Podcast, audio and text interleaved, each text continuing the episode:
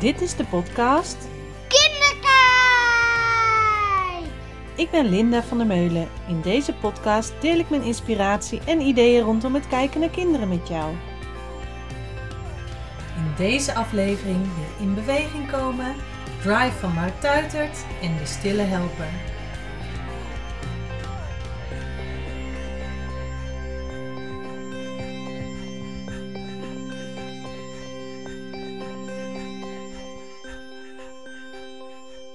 Wat superleuk dat je er weer bent. En ik vind het ook heel fijn dat ik hier weer ben.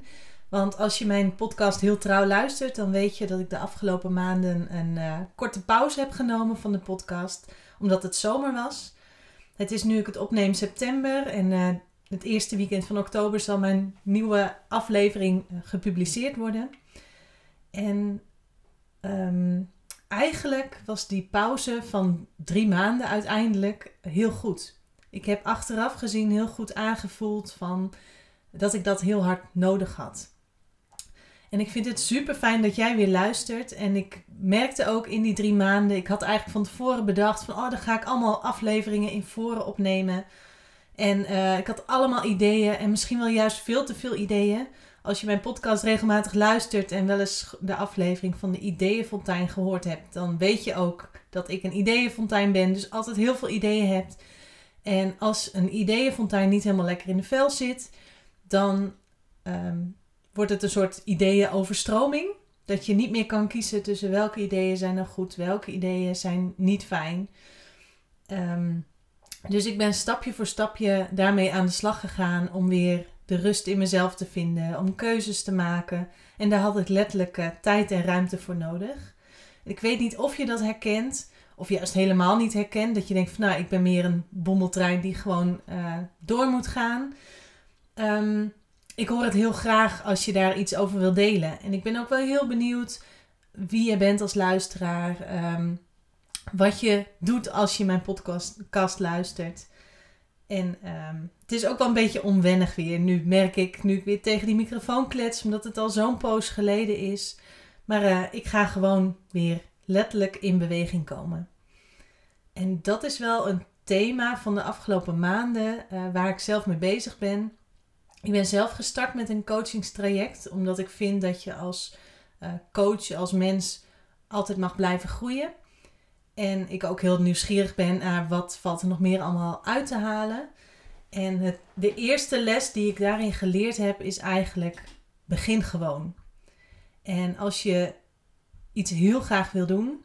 Bijvoorbeeld, ik merkte, ik wilde um, best wel meer boeken lezen en ik wilde heel graag meer verdieping. Maar dat kwam altijd onderaan mijn to-do-lijstje. En dan moest eerst het hele huishouden klaar. Dan moest uh, ik Isa naar school brengen en uit school halen. Uh, dan heb je nog een gezellige middag samen thuis. Of uh, er moesten allemaal andere dingen gebeuren, werkklussen. En dat ik zelfs op mijn vrije dag als ik dacht van nou, vandaag plan ik een dag in de week vrij, uh, was ik alsnog met werk bezig. Of nog even een mailtje, nog even een berichtje sturen, nog even dit, even dat. En dan was mijn vrije dag alweer om. Dan was het alweer tijd om uh, eten te gaan koken of andere dingen te doen die ook gewoon ja, moeten.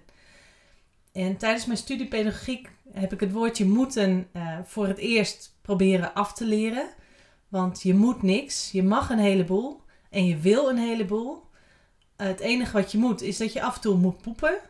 Zo uh, letterlijk werd uh, dat toen door mijn coach in de, tijdens de studie gezegd. Linda, wat wil jij? Je kan een heleboel en je wil een heleboel. Wat wil jij? En dat is eigenlijk iets wat nu ook weer terugkomt. Ik was voor de zomer met zoveel dingen bezig en heel veel dingen naast elkaar. Een hele volle planning. Eigenlijk paste het allemaal precies of eigenlijk net niet voor uh, de rust die ik voor mezelf nodig heb. En ik ben nu voor mezelf bezig om te kijken van hé, hey, hoeveel rust heb ik voor mezelf nodig? En rust is niet per se dat ik uh, lang uit op de bank hang. Want uh, als bezige bij ben ik ook altijd wel bezig.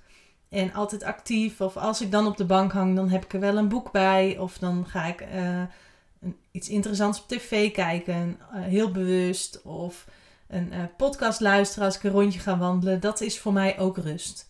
Want door, op die manier kan ik dus mijn talenten ook kwijt. Um, daardoor, um, eigenlijk de voor de zomer, volgens mij, sprak ik met een collega en die zei: Ik heb nu zo'n gaaf boek gelezen. Het boek Drive van Mark Tuitert. En in dat boek ging het over de Stoïcijnse gedachten. En ik weet niet of je daar uh, bekend mee bent. Want eigenlijk ontstond die uh, filosofie, want dat is het uh, Stoïcijnse filosofie, 300 jaar voor onze jaartelling. Dus al meer dan 2000, bijna 2500 jaar geleden, dachten ze op deze manier. En dat was de tijd dat er verschillende filosofen leefden: Socrates, Plato, Aristoteles. Misschien heb je er wel eens van gehoord. En toen was de filosofie echt uh, ja, op zijn hoogtepunt, zeg maar. Waren ze heel veel daarmee bezig. En Stoïcijnen zochten niet per se naar wijsheid, dus heel veel kennis hebben, maar meer hoe je goed kon leven. En het Stoïcijnse gedachte gaat dus ook eigenlijk is een hele praktische uh, denkwijze. Want om goed te, moeten, uh, goed te kunnen leven, moet je goed leren nadenken en helder krijgen wat je belangrijk vindt in je leven. En in dat boek van Mark Tuitert wordt heel erg stilgestaan bij hoe je je gedachten zo kan trainen um, dat je de juiste beslissingen neemt, dat je jezelf minder voor de gek houdt, hoe je kan omgaan met tegenslag of hoe je juist motivatie kan vinden om de dingen te doen die je wil doen. En Mark Tuitert noemt het uh, een praktische filosofie, maar ook heel realistisch. Want uh, tegenwoordig hoor je heel veel dingen van als je maar hard genoeg wilt, dan gaat het wel lukken. En eigenlijk is het uh, stoïcisme is daar tegenovergestelde van. Dat gaat heel erg over het accepteren wat er is van de realiteit. En het kijken van, naar je eigen oordelen, gedachten en gevoel. Uh, als je stoïcijns dacht ik eerst van nou, spreekt dat me wel aan, want ik ben juist altijd heel veel met gevoel bezig. En als je um, stoïcijns is eigenlijk ook dat je, uh, of dat idee had ik erbij, dat je gevoel er niet mag zijn. Maar wat blijkt nu, heb ik in het boek ontdekt. Natuurlijk zijn die gevoelens en gedachten en ideeën en alles wat je, uh, wat een situatie in jou teweeg brengt, die zijn er. En wat dan helpt is het kort analyseren en vooral de overtuiging hebben dat je het in de hand hebt. Voor zover je controle over iets kan hebben. Je hebt bijvoorbeeld geen controle over hoe anderen op iets reageren. Je hebt geen controle over de uitslag van iets. Bijvoorbeeld als je een wedstrijd doet of een spel gaat doen, heb je geen controle over wie je gaat winnen of wie je gaat verliezen. Het enige wat je kan doen op dat moment is uh, je best doen. En weten dat wat jij doet, dat het voor jou op dat moment goed voelt. Dat je met de goede dingen bezig bent. En dat vond ik wel echt een hele mooie uh, ja, gedachte eigenlijk. Een mooie uh, handvaten geven. En het leuke aan zijn boek vond ik ook dat, je, uh, dat er verschillende oefeningen in staan. Waar je op je met mindset aan de slag kan. Dus echt concrete oefeningen waar je mee aan de slag kan. Die je gewoon direct kan uitvoeren. En één daarvan was bijvoorbeeld train tegenslag. Want je hebt allemaal wel eens um, iets waar je je zorgen over maakt. Of iets wat je te verduren hebt. Of iets wat je meemaakt wat gewoon verschrikkelijk naar is. Waar je helemaal niks aan kan doen. En waar je dan over gaat liggen piekeren. Of waar je heel druk mee bezig bent. En vanuit de stoïcijnen die zeggen om tegenslag te kunnen accepteren. Moet je een zo helder mogelijke voorstelling maken van hoe die tegenslag eruit zag. Dus dat kun je trainen, net als spieren zeggen ze, kun je daarmee aan de slag gaan. En hoe doe je dat nou? Ik zal letterlijk vanuit het boek die uh, opdracht eens voorlezen. Stap 1 is dat je je een situatie bedenkt waar je je zorgen over maakt. Bijvoorbeeld uh, als je een uh, tijdelijk contract hebt of je wel contractverlenging krijgt. Dus dat is iets waar je je zorgen over maakt. Um, Stap 2 is dat je je de meest onwenselijke uitkomst voorstelt. Dus dat je eens nadenkt, wat is het allerergste wat er zou kunnen gebeuren? Nou, als je uitgaat van die contractverlenging, is dat je contract niet wordt verlengd. Wat je dan doet, stap 3, is dat je een papier pakt en een cirkel trekt. En Pak een groot papier, maak een lekker grote cirkel, zodat je er heel veel in kunt schrijven. En dan ga je in stap 4 in die cirkel 10 woorden opschrijven die de meest onwenselijke uitkomst waarmee je die associeert. Bijvoorbeeld als je geen contractverlenging krijgt, dan uh, krijg je geldzorgen, dan ben je werkloos, heb je geen baan meer, geen zinvolle dagbesteding. Uh, vul maar aan hoe het voor jou is binnen de situatie waar jij je zorgen om maakt. En zet dan boven die cirkel de titel als ik werkloos ben. Dus waarover je zorgen gaan. Dan heb je natuurlijk, dat is het binnenste van de cirkel. En dan schrijf je buiten die cirkel steekwoorden hoe je met deze onwenselijke uitkomst kunt omgaan.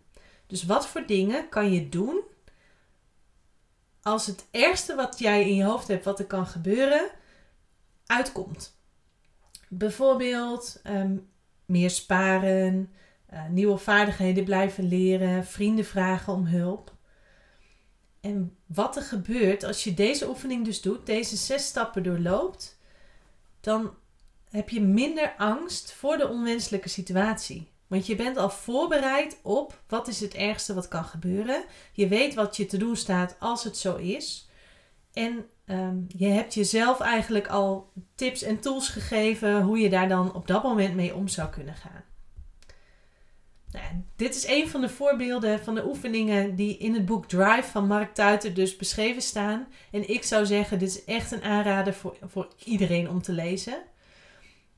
En uh, het helpt mij vooral om te bedenken en te kiezen van goh, wat zijn de dingen die ik doe? Waarom doe ik wat ik doe? Welke keuzes ga ik maken? Want ik heb nogal veel te kiezen op dit moment. En sommige keuzes heb ik ook al gemaakt. Um, ik kreeg ook um, voor de zomer een aanbod om samen met twee superleuke mensen in een uh, kantoorpand een kamer te huren. Dus een ruimte te huren waar wij dan met z'n drieën in, uh, als kantoor zouden zitten. En daar heb ik heel erg over lopen wikken en wegen. Van, oh, het, zijn twee hele fijne mensen, een hele mooie werkplek. Ik heb er ook al gekeken. En toch ga ik het niet doen. Omdat ik dacht, als ik een extern kantoorpand huur, dus zowel niet thuis als niet op mijn werkplek bij de buitenkans bijvoorbeeld, dan zit ik dus op een externe plek. En het leek me heel fijn, want dan heb je een plek om naartoe te gaan, om je spullen te laten liggen. Alleen is mijn werk vooral waar ik blij van word, is anderen helpen. Waar ik blij van word, is het werken uh, in de buurt van de kinderen, met kinderen, met collega's. En dat zou betekenen dat ik dan meer op kantoor zou gaan zitten. Is dat waar ik blij van word? Nee. Dus wat hebben we gedaan? Want ik zat altijd op, uh, op zolder, letterlijk tussen de dozen. En we hebben al een keer mijn bureau daar verplaatst. Dus wat hebben we in huis gedaan? We zijn letterlijk, ben ik in beweging gekomen door uh, onze logeerkamer op te ruimen. En dat had best wel een lading, omdat uh, we noemden het logeerkamer, maar er stond niet eens een logeerbed. Maar het moest toch een naam hebben, want eigenlijk was het Aniek haar kamer. En als je me kent of al eerder afleveringen hebt gehoord, dan weet je dat Aniek in mijn buik is overleden in 2017, dus wel een post terug. Maar het was nog steeds, ja, in mijn hoofd, in mijn hart, is dit haar kamer. En ik zeg, is dit haar kamer? Omdat we nu haar kamertje verbouwd hebben tot mijn werkplek. En het is super fijn om een werkplek te hebben. Een inspirerende werkplek. Ik heb hier mooie boeken staan. Ik heb leuke plantjes staan. Een lichtbak waar ik mee dingen kan experimenteren om um, in de praktijk te brengen. Ik heb een heel fijn bureau. Gewoon al mijn spullen bij elkaar, maar gewoon wel in huis. Dat ik letterlijk, als ik thuis ben, naar mijn werkplek kan gaan. Naar mijn werk kan gaan. En dat maakt wel dat ik mijn werk uh, weer serieuzer ben gaan nemen. Of in ieder geval mijn werk voor kinderkijk. Omdat ik nu ook echt een serieuze werkplek heb. En waarom deze kamer zo'n lading was, was um, toen we in verwachting waren. Toen ik in verwachting was van Aniek. Toen was dit onze werkplek, eigen studeerkamer noemden we het ook wel. En ook logeerkamer. Alleen uh, toen we in verwachting waren, hadden we die kamer nodig. Dat zou haar slaapkamer worden. Dus toen hebben we het helemaal verbouwd. Hebben we het bureau eruit gehaald. Het ging allemaal naar zolder. En het liefst wou ik natuurlijk dat dit gewoon haar slaapkamer was geweest. Was geworden. Alleen dat was niet zo. Dus vandaar heeft had het best wel een lading. Maar omdat ik dankzij Aniek ook kinderkijk ben begonnen, voelt deze ruimte om hier nu te zitten voor kinderkijk, hier nu mijn podcast op te nemen. Ik ben heel benieuwd wat het doet qua akoestiek met opname, want ik heb het nog niet uh, geluisterd onder het opnemen. Maar uh, het voelt heel goed nu om hier te zitten. Om hier te zijn, in haar kamer eigenlijk. Uh, en dat dit nu mijn werkplek mag zijn. En dat is iets wat ik de afgelopen maanden echt heb geleerd, is kom in beweging. En ook tijdens mijn coaching, mijn coach gaf mij die tip: plan elke dag vijf minuutjes voor jezelf. En je zal merken, als je die vijf minuten neemt, worden het er altijd meer. Ik vond dat heel lastig, die tijd en ruimte voor mezelf nemen. Maar ik merk het echt. De ene dag heb ik behoefte aan een uur voor mezelf. En de andere dag heb ik genoeg aan die vijf minuutjes. Even vijf minuutjes, een warm kopje thee, even niet gestoord worden. Uh, ik doe het ook heel vaak ochtends, zodra ik opsta. Of eigenlijk bijna elke dag lukt dat. Is, um, dan zet ik de wekker een half uur of een uur eerder. En neem ik dat moment af voor mezelf. Dan heb ik dat maar vast gehad. Dat je echt opstaat voor jezelf en het voor jezelf doet. Nou, al die boeken die ik lees, die uh, coaching, de workshops die ik volg. Dat draagt allemaal bij in wat ik doe. En ik merkte ook met de podcast, ik werd er op een gegeven moment best wel onzeker van. Want er zijn op dit moment, vorig jaar toen ik begon nog helemaal niet, maar op dit moment heel veel podcasts over het werken met kinderen, kijken naar kinderen. Dus ik was heel erg, uh, ja, werd ik wel onzeker van. Van ja, maar wat is dan mijn verhaal? Wat heb ik bij te dragen? Wat heb ik te vertellen? En uh, ieder heeft zijn eigen verhaal te vertellen. En ieder doet het op zijn eigen manier. En ik ben heel benieuwd als je deze podcast luistert. Uh, wat je ervan vindt, wat voor ideeën jij erover hebt, wat voor verhaal jij vindt dat ik vertel en hoe je daarover denkt. Ben je het ermee eens of niet? En de reden waarom ik dit doe, is eigenlijk vanuit het talent de stille helper. Want daar ben ik me ook bewust van geworden um, de afgelopen tijd, is dat ik een echte stille helper ben. Ik hoef niet per se in de spotlights te staan. Ik hoef niet de aandacht of het applaus te krijgen. Ik wil vooral door dit te doen, door mijn werk te doen, anderen helpen om te kunnen stralen. En dat is vooral zowel de kinderen als uh, pedagogische medewerkers, als leerkrachten, als wat dan ook. Ik hou ervan om de voorwaarden zo te scheppen en ze zo te ondersteunen en tips te geven en uh, samen te kijken naar mogelijkheden, zodat de medewerkers kunnen gaan schitteren. Zodat de kinderen uh, zichzelf kunnen zijn, uh, zich, hun welbevinden en betrokkenheid hoog is, lekker aan de slag kunnen. Herken je dat misschien? Dan kan het zijn dat jij als talent ook de stille helper bent. Dus dat je dat in je hebt, dat je daar energie van krijgt, dat je dat fijn vindt om te doen. Want een stille helper die doet graag iets voor anderen, zodat anderen kunnen schitteren, kunnen stralen, ja, kunnen ontplooien eigenlijk de stille helper hoeft daar niet per se een beloning, um, een beloning voor of uh, een groot applaus. Een klein bedankje of een complimentje of even een, een blik van waardering is genoeg. Je hoeft niet op de voorgrond te staan. Uh, als je echt applaus krijgt, vind je het vaak ook nog wel vervelend. Maar je vindt het wel fijn om gezien te worden. Dus dat wel je bijdrage aandacht krijgt, dat, dat mensen weten uh, dat je onderdeel van iets was.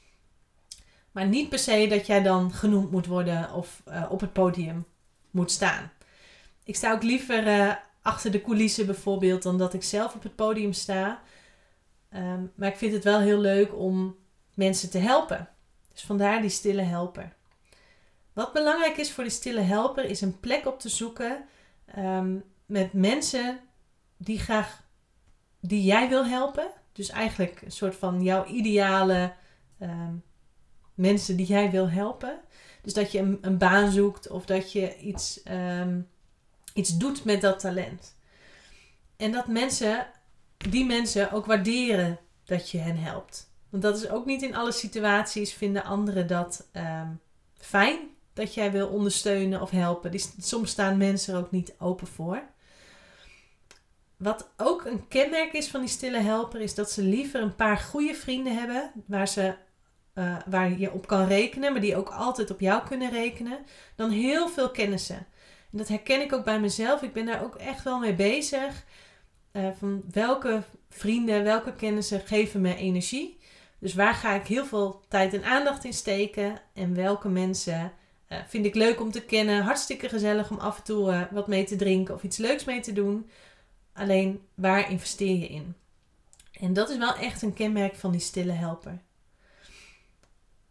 Um, wat als stille helper helpend kan zijn, is dat je ook benoemt. Dat je liever een klein bedankje hebt dan een heel groot applaus. En um, vergeet ook niet dat dat wat je geeft in verhouding moet zijn met dat wat je terugkrijgt. Een kenmerk van als een stille helper doorschiet, en dat herken ik ook bij mezelf, is dat je dan heel veel gaat geven en heel hard aan het werk bent, zodat de ander een beetje achterover kan leunen. Maar zorg er ook voor dat je de ander aan het werk zet. Dus dat je uh, terugkrijgt wat je geeft aan energie. En als je het gevoel hebt dat jouw hulp niet gewaardeerd wordt, maak dat bespreekbaar. Want dat is een heel belangrijk punt. Jij wil heel graag helpen en de ander accepteert jouw hulp niet. Om daarover met elkaar uh, in gesprek te gaan. Nou, um, ik ben heel benieuwd of je je hierin herkent. Of je een stille helper bent of juist niet. Misschien ben je juist wel een uh, zichtbare presteerder die juist heel graag gezien wil worden en op het podium wil staan. En uh, zichtbaar wil hebben van dit heb ik gedaan, daar ben ik super trots op. Er is daarin geen goed of fout. Iedereen heeft zijn eigen talenten, zijn eigen kwaliteiten. En wat vooral belangrijk is, is die talenten en kwaliteiten zo in te zetten dat jij ook volledig tot bloei kan komen. En als stille helper werd ik heel vaak bestempeld als bescheiden. Van doe maar, ga maar staan, je mag wel. En dankzij het kijken naar talent heb ik dus ontdekt dat het echt een talent is. Een stille helper zijn. En dat je daar super trots op mag zijn als je dat bent, dat je dat bent. Nou, ik heb zomaar weer. Uh, ik zie nu net uh, eh, 22 minuten volgekletst. En mijn doel voor de podcast was. Ik denk, nou, 20 minuten vind ik eigenlijk wel max. Ik vind dat zelf altijd fijne lengte voor afleveringen. Dus bij deze rond ik hem weer af. Het was nu weer de eerste die ik zelf heb opgenomen. De eerste van mijn tweede seizoen eigenlijk. Het tweede jaar dat ik uh, podcasts aan het maken ben. En ik ben heel benieuwd wat je hier uithaalt, wat je hiermee doet. En dan wens ik je voor vandaag een hele fijne dag en uh, tot de volgende podcastaflevering. Bedankt voor het luisteren van deze podcast. Wil je geen aflevering missen? Abonneer je op deze podcast. Heb je vragen of ideeën voor een volgende keer? Laat het mij weten via www.kinderkijk.com of Kinderkijk op Facebook of Instagram. Denk je dat deze podcast interessant is voor anderen? Laat een review achter of deel hem. Doeg!